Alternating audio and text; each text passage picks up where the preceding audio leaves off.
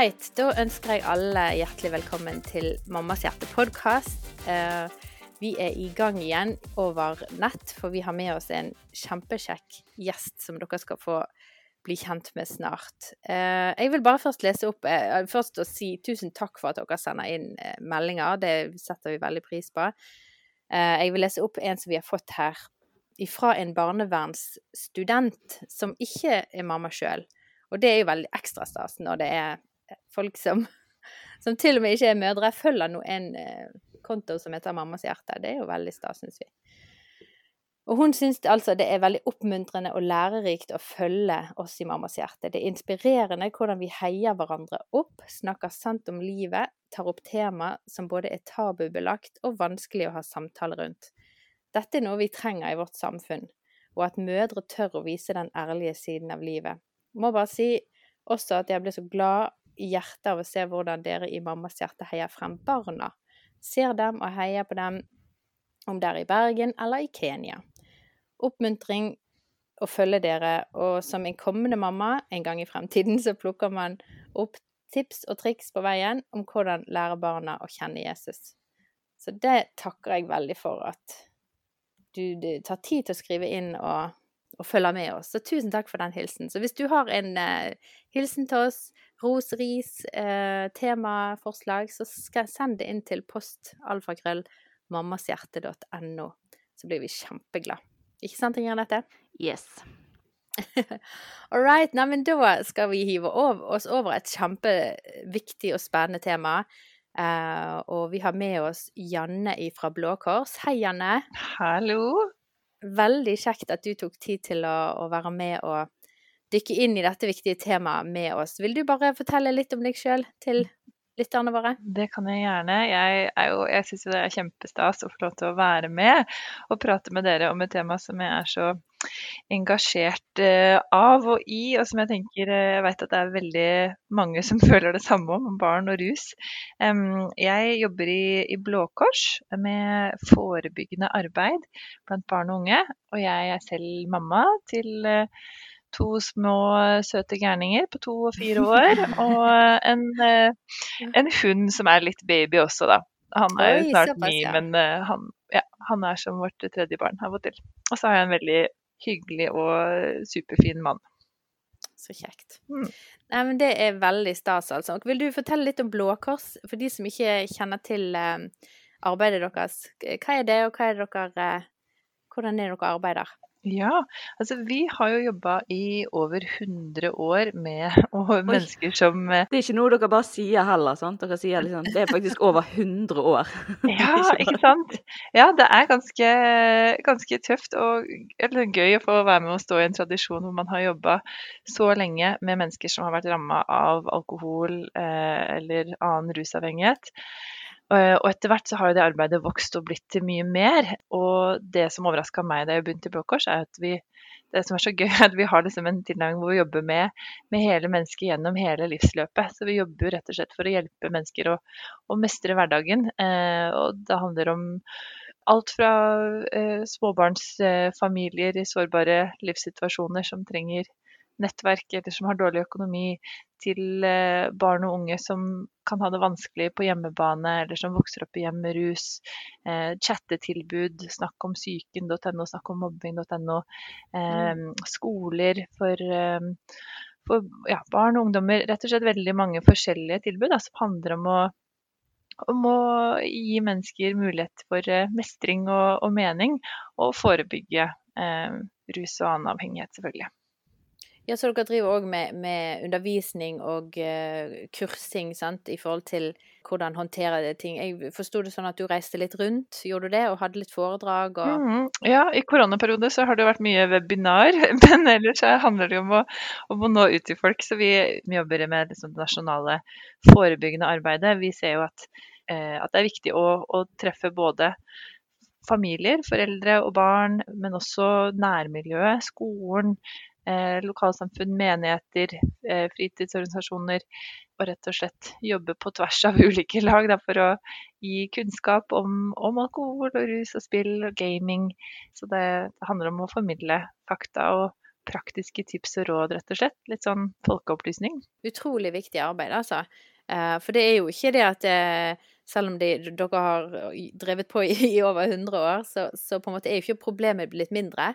Eh, og det er jo ikke, holdt jeg Man skal jo ikke skylde på Blå Kors for det, men fordi det, det er jo så viktig om, en, jeg viktigere nå enn noen gang å være på banen og, mm. og komme med informasjon, komme med tilrettelegging og hjelp eh, til mennesker rundt om. Hvordan eh, liksom, ser dere på tall og, og utvikling på en måte, Når dere sitter og snakker og ser på Jeg ser for meg sånne grafer i forhold til år og tidsepoker. Hvordan er det liksom 2021 i forhold til tidene som har vært, da? Er det, er det voldsommere nå enn det har vært før i forhold til rusmisbruk og, og alkoholmisbruk? Det er et veldig godt, eh, godt, spørsmål. Og jeg vet at det er flere som er i gang med å analysere nettopp det. Hva har eh, koronaåret f.eks. gjort med folks alkoholvaner? Men noe av det første som ble synlig for oss i mars i fjor, var jo at veldig mange begynte å slå alarm om alle de barna og unge som vokste opp i eh, familier med rus. Og der, der, har vi jo absolutt sett at det har vært en ekstra utfordrende situasjon for de som eh, hadde på en måte skolen som, som sitt, eget, sitt, eneste friminutt, eller der de kan på en måte komme ut og treffe andre og relatere seg til andre trygge voksne personer. Så, så vet vi at, eh, at, for de så har det vært et ekstra tøft år. Um, og så vet vi at det, det, blir veldig spennende å se liksom, etterdønningene av hva koronaåret 2021 har gjort med oss. Bl.a. med det at alkohol har jo blitt eh, flytta fra barer og ute og hjem inn til husene til folk. Eh, hva gjør det? Har vi reflektert rundt hvordan vi eh, Hva gjør man hvis man drikker med barn til stede? Eh, mm. hvordan kan man eh, gjøre det på en ja, hvis man, ja? Her, er det mye dilemmaer, da. Um, Nei, men Det blir jo interessant å se hvilke måte forskning som kommer frem mm. eh, etter et sånt år, da. For det er jo litt spesielle tider. Det må man jo si. Jeg synes jo på en måte rundt, Det er jo spesielt rundt jul, ikke det da det går sånne kampanjer. Er dere involvert i de kampanjene i forhold til dette med eh, hvor mange glass tåler ditt barn? ja, absolutt. Disse... Ja, vi samarbeider jo mye med, med Av og til, Alkovettorganisasjonen og flere andre som eh, eh om nettopp det med alkohol i rundt høytider, fordi vi vet at det er et økt bruk da. Og vi gjør jo en del undersøkelser med barn og unge om hvordan de opplever eh, foreldres alkoholbruk, f.eks. Der ser vi jo at også blant eh, ja, Det kan vi jo gå litt inn på etter hvert, alle de som vokser opp i hjem der hvor eh, det er et, eh, et stort problem. Men, men eh, altså, liksom, i den gjengse familien så, så, er det også viktig å bare være bevisst på da, hvordan man uh, bruker alkohol hvis det er barn til stede. Men hvordan er tallet i forhold til det dere har oversikt over? Jeg vil jo tro det er en del svarte tall her også. Uh, men i forhold til prosentvis i forhold til hvor mange som på en måte det er et misbruk, eller på en måte det er et mm. stort bruk, eller på en måte det er mer vanlig, gjerne sunt bruk, noe som, som vi vil òg snakke litt mer om videre, da. Så noe av det som overraska meg når jeg begynte å jobbe i Blå Kors, var jo rett og slett hvor utbredt det er å ha eh, en ruslidelse eller et problem med alkohol i løpet av livet. Vi veit jo ikke helt sikkert, for det er jo mye mørketall, akkurat som du sier. Men at eh, når det gjelder eh, barn og unge, så vet vi jo at det er nesten én av ti barn og unge som vokser opp med en mamma eller pappa som drikker for mye. Og med drikker for mye, så mener vi da at de har et diagnostiserbart alkoholproblem. Dette er tall fra, fra Folkehelseinstituttet. Og det ser jo bare på eh, alkohol i det tallet. Og i tillegg til det så vet vi jo at det er pillemisbruk, eh, bruk av eh, cannabis eller andre illegale stoffer kommer i tillegg. Jo, når vi snakker om barn og rus, så er det jo spesielt liksom, mennesker som har, som, som har barn da, eh, under 18 år, som det er viktig å, å, se på hvordan man kan nå dem på best mulig måte. Og vi har gjort eh, undersøkelser eh, blant ungdommer som har vokst opp i hjem med rus, for å se på liksom, Får de hjelp til å håndtere dette her? Hva, hvordan er det å, å, vokse opp med en mamma eller pappa som har et rusproblem? Og en av våre undersøkelser for noen år siden viste, var at én av tre fortalte ingen utenfor hjemmet i det hele tatt. Og én av tre snakket bare om, om, det med andre i familien.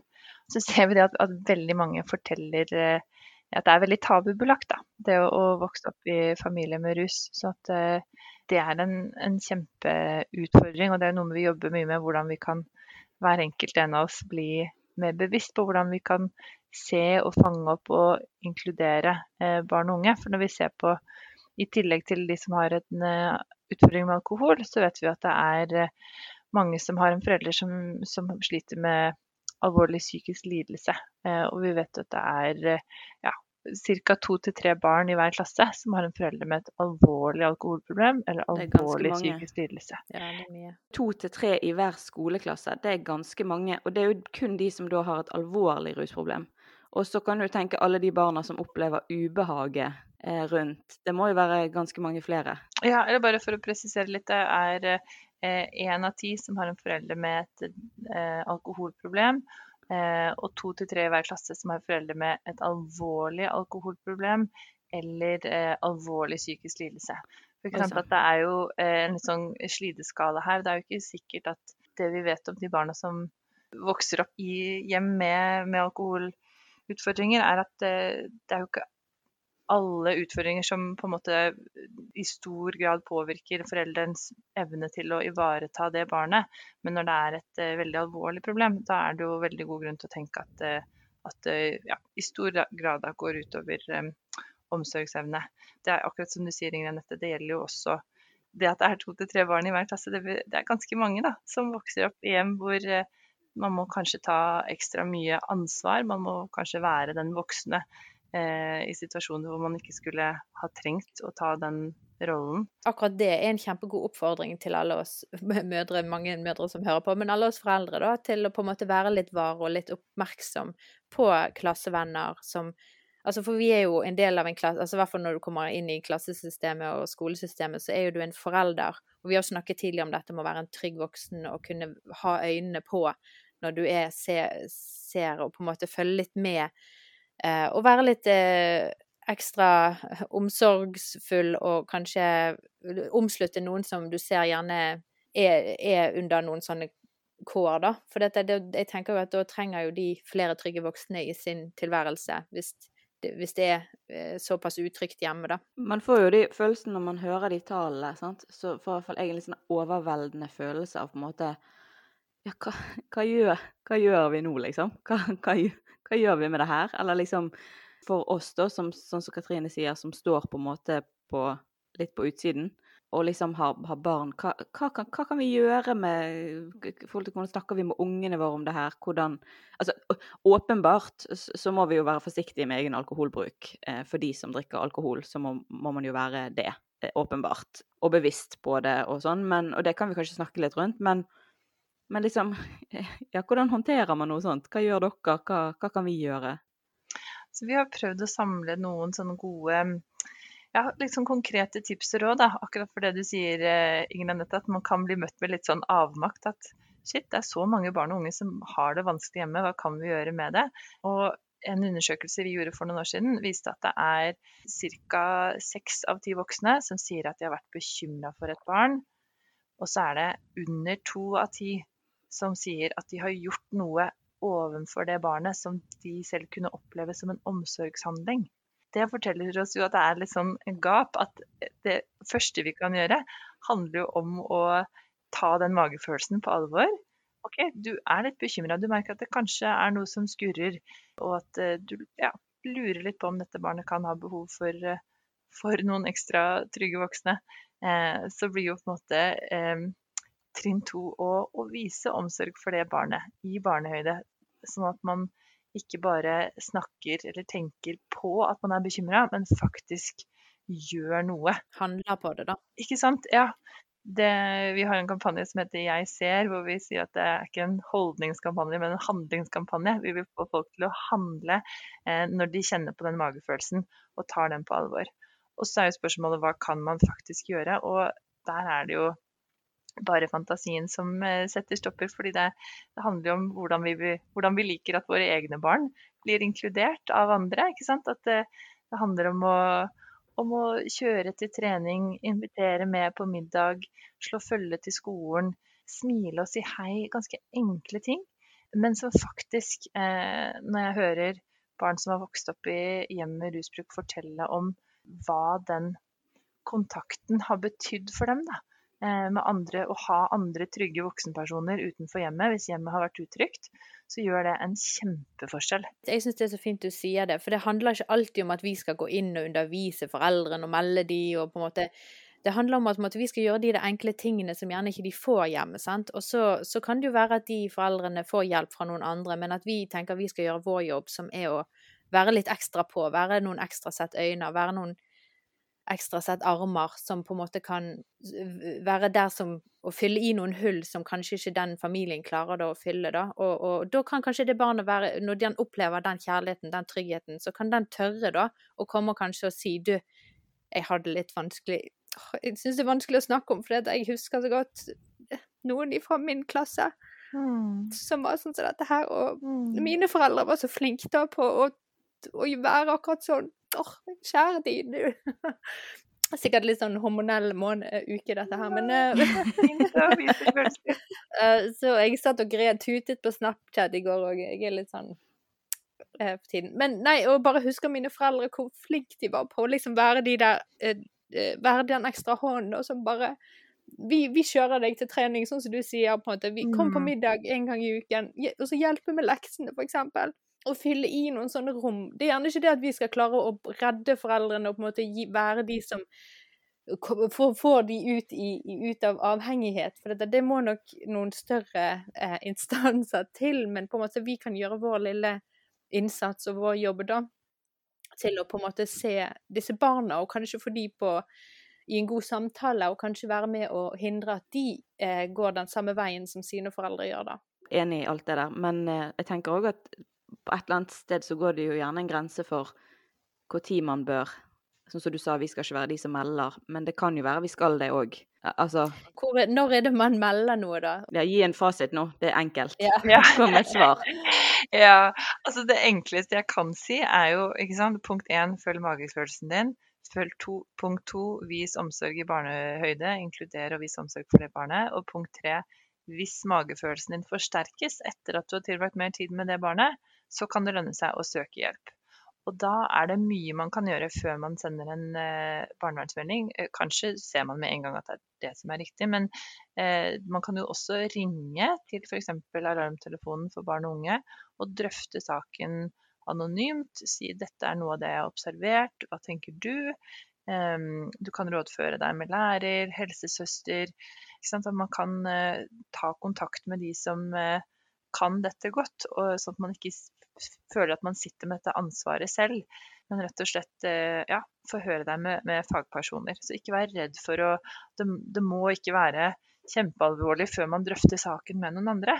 Og at det bør jo være noen, noen fagpersoner. Det er jo noe vi òg har nevnt i en prat med barnevernet vi hadde nylig, så den, den, den praten er jo kommet før denne. Og da òg prøver vi å på en måte senke terskel for å bare ta denne telefonen og bare forhøre seg litt. Da.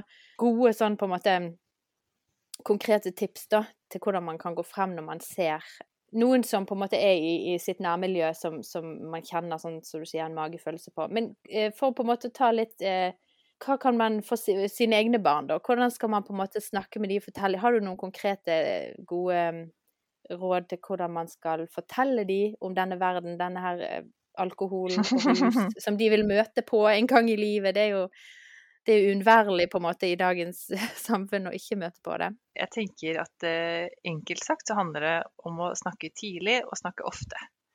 Eh, mine barn er jo bare to og fire, men jeg tenker jo at jeg anser jo min liksom rolle som mamma da, som at jeg skal drive rusforebyggende arbeid eh, med dem allerede nå.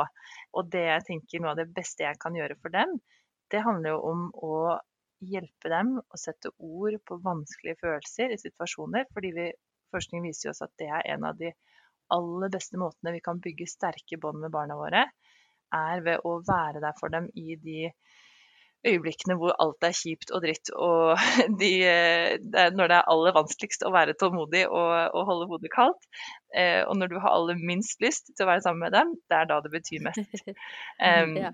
Så jeg prøver å liksom eh, omprogrammere hjernen min til å tolke barneskrik som yes, en mulighet til å connecte og bygge bånd. Nå vi nå skal jeg vise deg at jeg er her for deg, jeg aksepterer deg og følelsene dine, og jeg har lyst til å hjelpe deg å, eh, etter at du roer deg ned, og, og, finne en måte å sette ord på det på. Fordi Så bra. vi, vi vet jo liksom det at selv om barn når de blir eldre blir kjempeopptatt av uh, flokken sin, så er det jo likevel sånn at den største påvirkningsfaktoren på ungdoms alkoholsbruk, det er foreldre. Det er jo veldig gode nyheter, for da har vi mulighet til å påvirke. Godt nytt. Så det at liksom tenåringen trenger oss, eh, det er viktig. Men det, det båndet, eller det å klare å liksom være den personen som barnet kommer til når de når tenåringsalderen, den billetten får du ved å jobbe for den når de er mindre.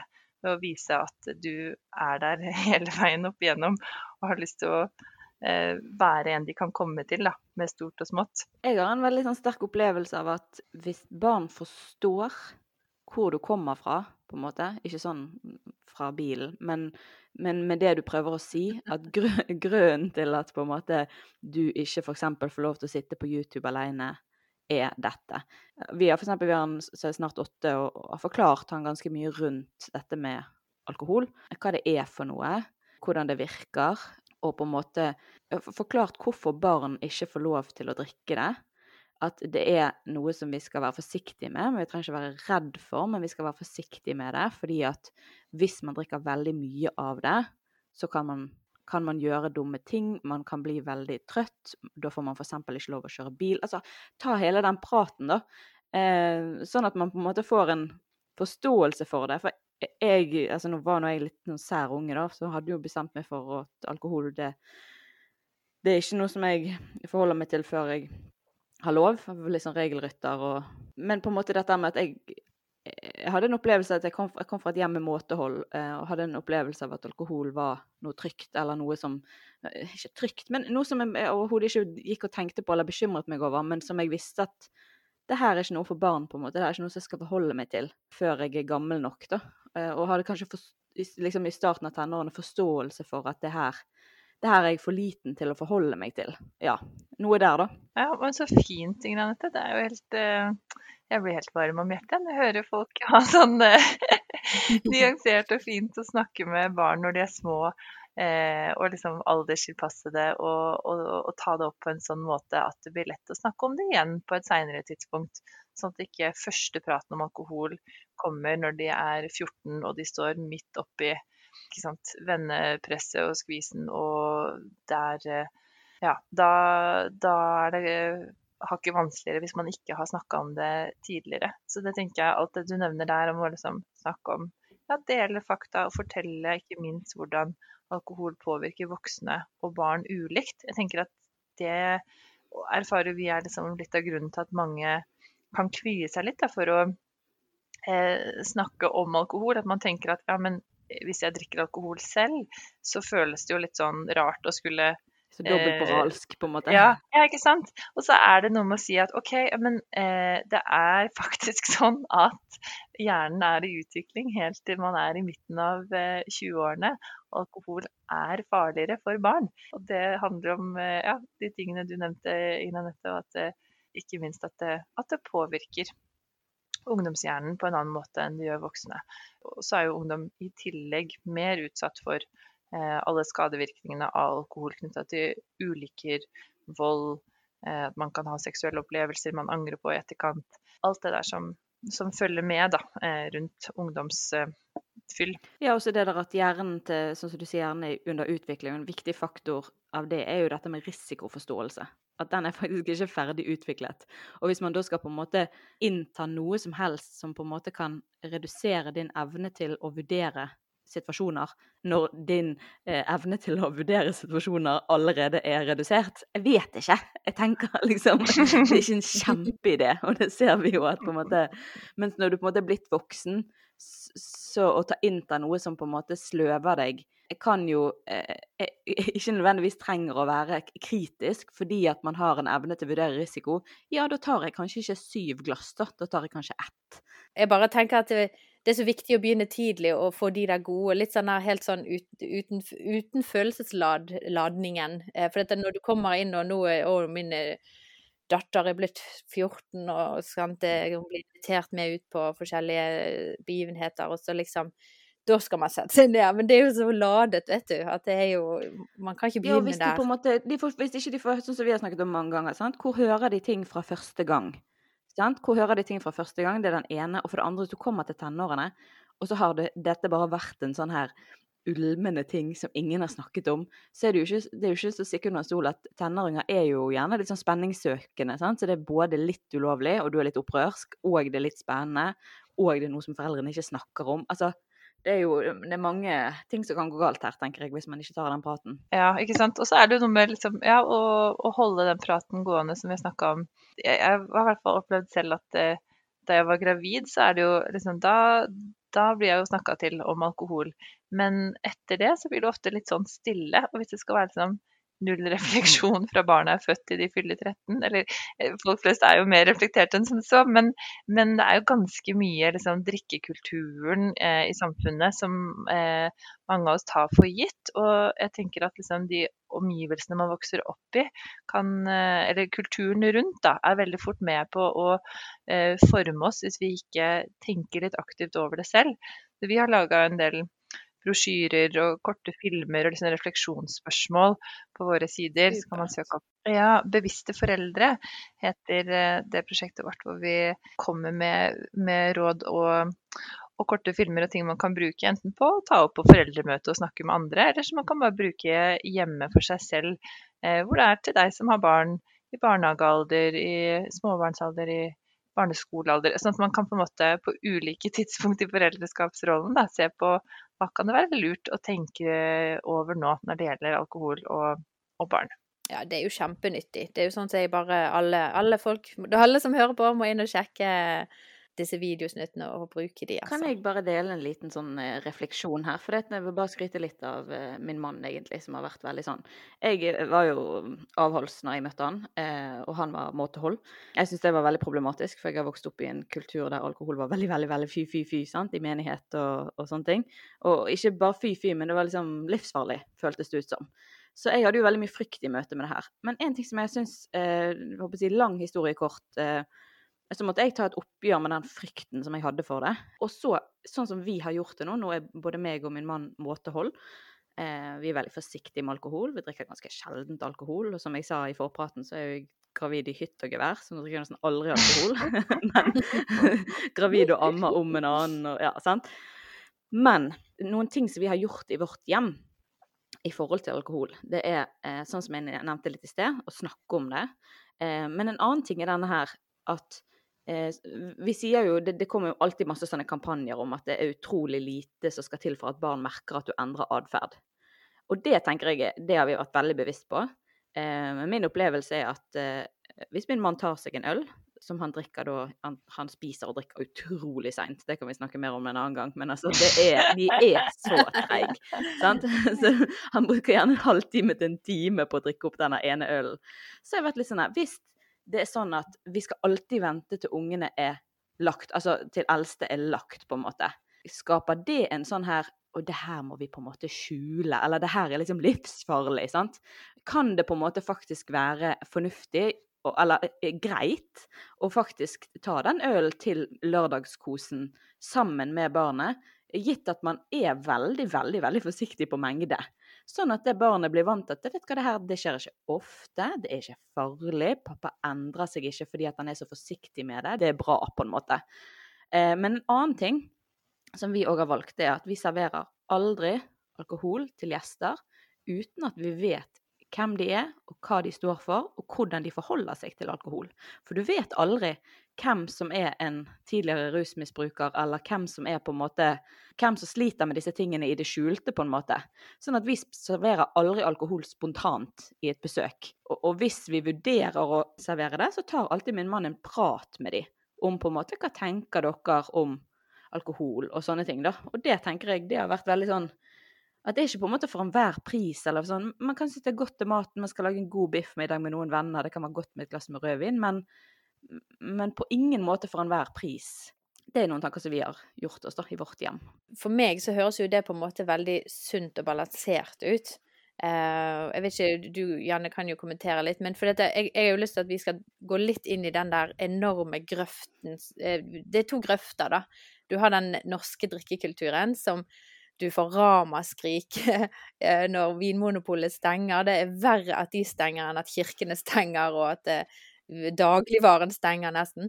Og, og, så har du den kristne kulturen som på en måte er Eh, sånn som Hiranette har erfaring fra, at måte, det er nesten fryktbelagt å, å, snakke om det, tenke om det, prøve å få en erfaring med det.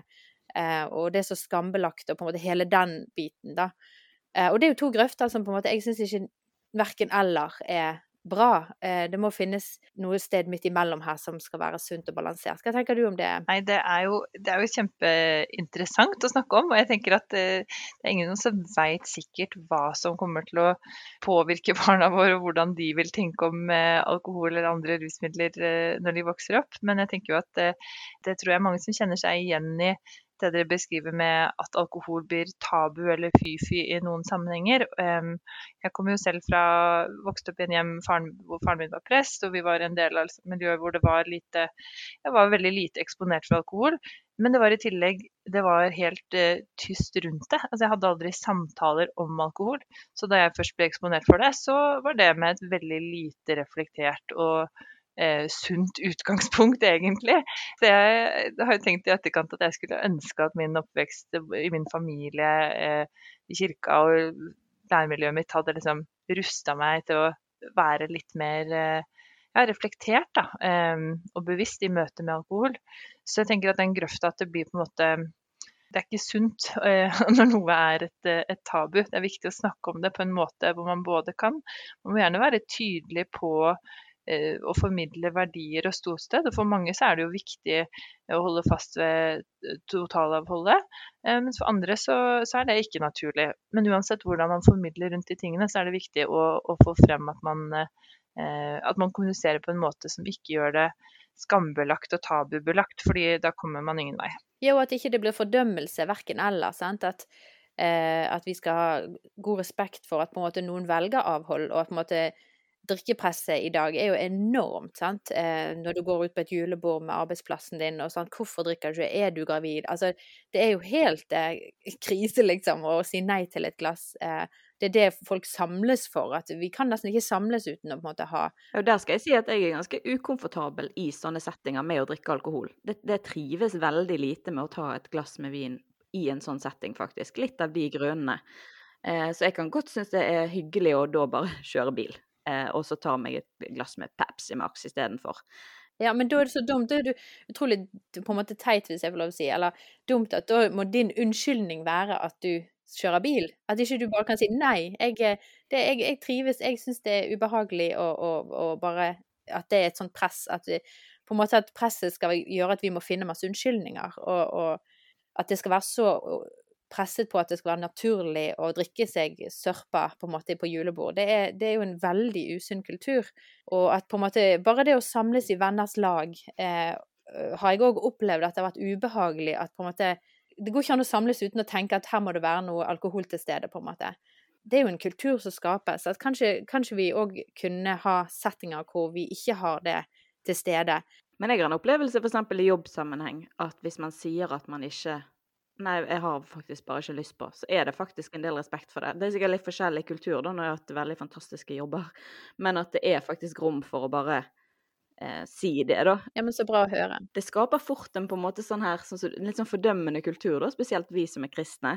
Eh, når vi kommer inn i en setting Nei, jeg vil Så skal du ha den talen, da. Nei, jeg vil ikke, for jeg prøver å endre kulturen. Altså, det er fort at du på en måte Nei, men, nei, men altså, hvis du kommer inn i en setting med en agenda om at nå skal jeg vise at jeg ikke drikker fordi jeg skal endre kulturen, det ødelegger litt for de andre, så ødelegger det faktisk litt for på en måte det samholdet som kanskje kan skapes i den settingen. Da. Så det er så utrolig mange grøfter å, å gå i her, men jeg, men jeg, er veldig for at hvis du, hvis du får, ikke bare kjenner at nei, vet du hva, jeg har faktisk eh, ikke lyst på alkohol for tiden, eller det er en grunn for at jeg ikke vil det, at man da bare kan si det i en setting. Og hvis noen da bare begynner å si at ja, så er det bare å si vet du hva, jeg, jeg ønsker faktisk at det skal bare bli respektert at jeg bare ikke har lyst. Jeg syns det er dumt at du du begynner sånn som det her, det syns jeg ikke er greit. At man heller kan ta den, da, enn at man Men det er jo veldig interessant det du påpeker. Jeg tenker du er heldig, Granette, som har vært i sånne settinger hvor folk respekterer ditt nei. For det tenker jeg veldig mange erfarer at det, at det Eller man kan jo spørre seg selv, da,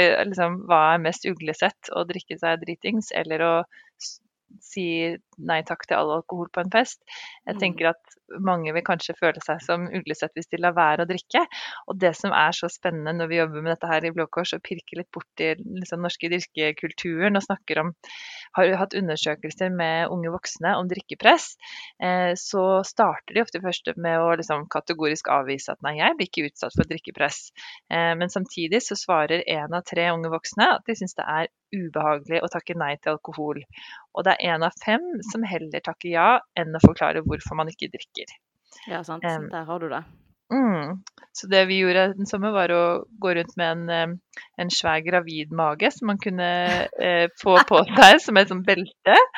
Og så sa vi her har du unnskyldningsmagen. Eh, en eh, god unnskyldning du ikke skulle behøve å trenge eh, for å få i gang samtaler med folk om eh, hvorfor er det sånn at man må liksom ha en gyldig unnskyldning. Man må forklare seg selv hvis man velger å ikke drikke.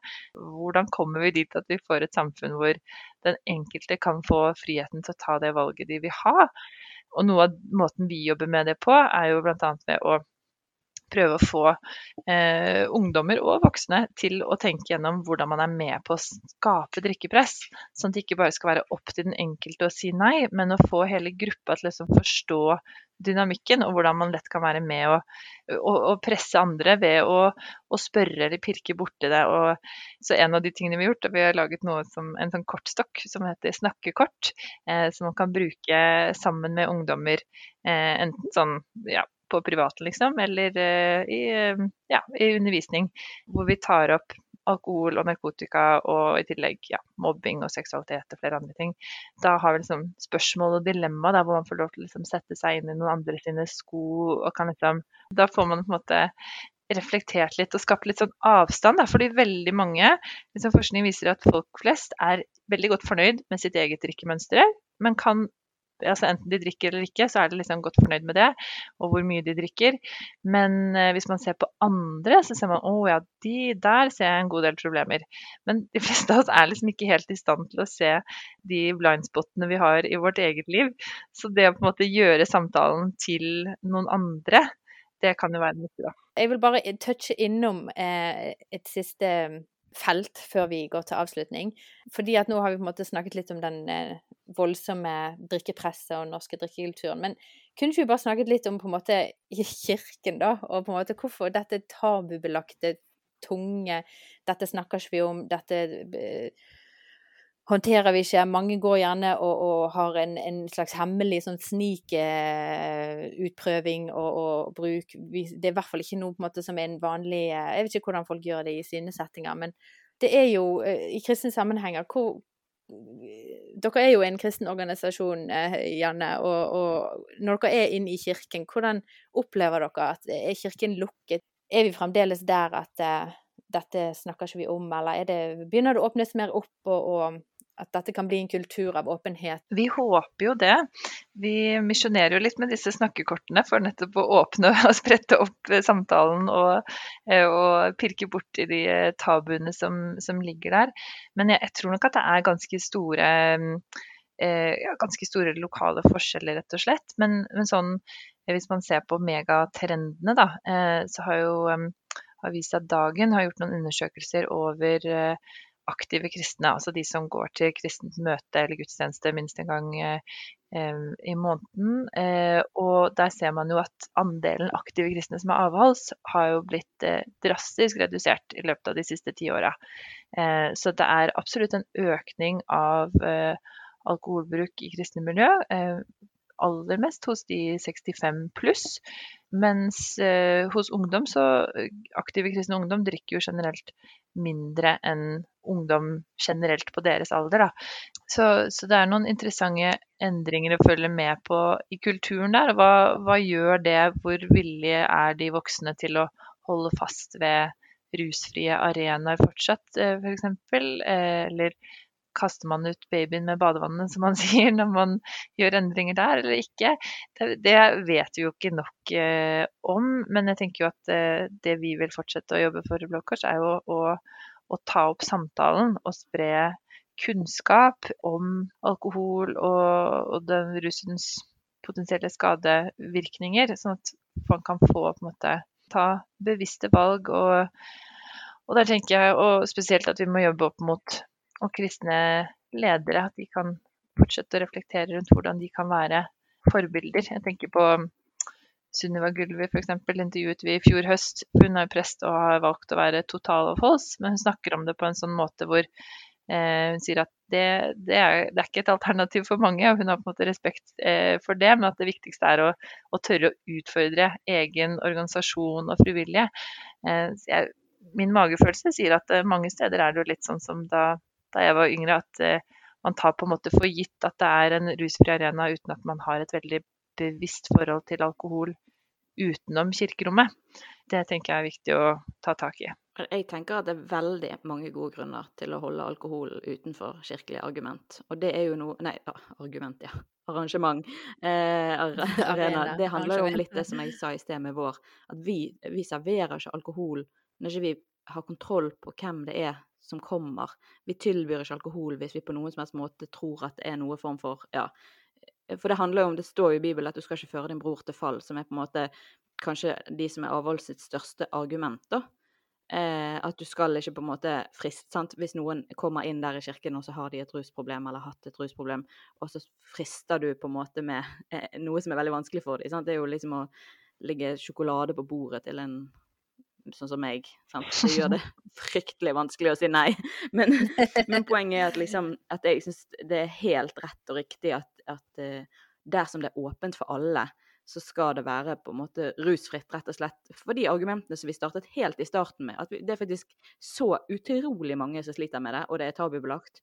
Så jeg syns jo det er kjempegode grunner for det. Men en ting hva man gjør på arrangement, og en annen ting er hva man gjør på en måte hjemme, da. Sjøl når man er eh, på en måte Ja, man, man, har kontroll på ting, da. Og man vet hvem som er der, og hvor Ja. Noe sånt, da. Å ha et bevisst forhold til det som dere har, eh, Ingrid, er jo et kjempefint utgangspunkt. Ja, så sant. Nei, men tusen takk, Janne, for at du eh, kom og, og, belyste dette viktige temaet for oss. Kan du nevne igjen hvor på en måte man kan finne disse ressursene? For dette, det, det jeg tror jeg er så bra og så viktig for oss foreldre å på en måte bare Ja, veldig gjerne. Det, jo, det enkleste er jo bare å google Blå Kors, så kommer man inn på våre sider. Man kan i tillegg eh, google Blå Kors snakkekort for å finne de kortstokkene man kan bruke for å sette i gang samtale med ungdom, men egentlig også med voksne. De kan man bestille gratis. Og man kan google eh, Blå Kors bevisste foreldre for å komme inn på de filmsnuttene og brosjyrene. De kan man også bestille gratis eh, hvis man vil dele de ut eller bruke de med flere.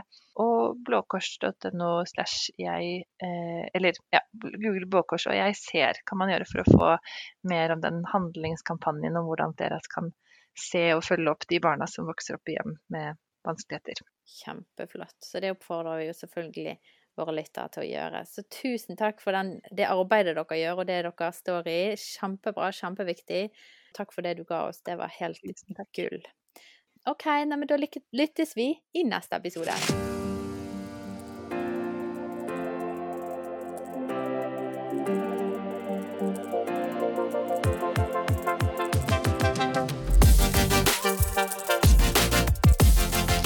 Hvis du har noen tilbakemeldinger, tanker, følelser eller reaksjoner etter det vi har snakket om i dag, så har vi veldig lyst til å høre de.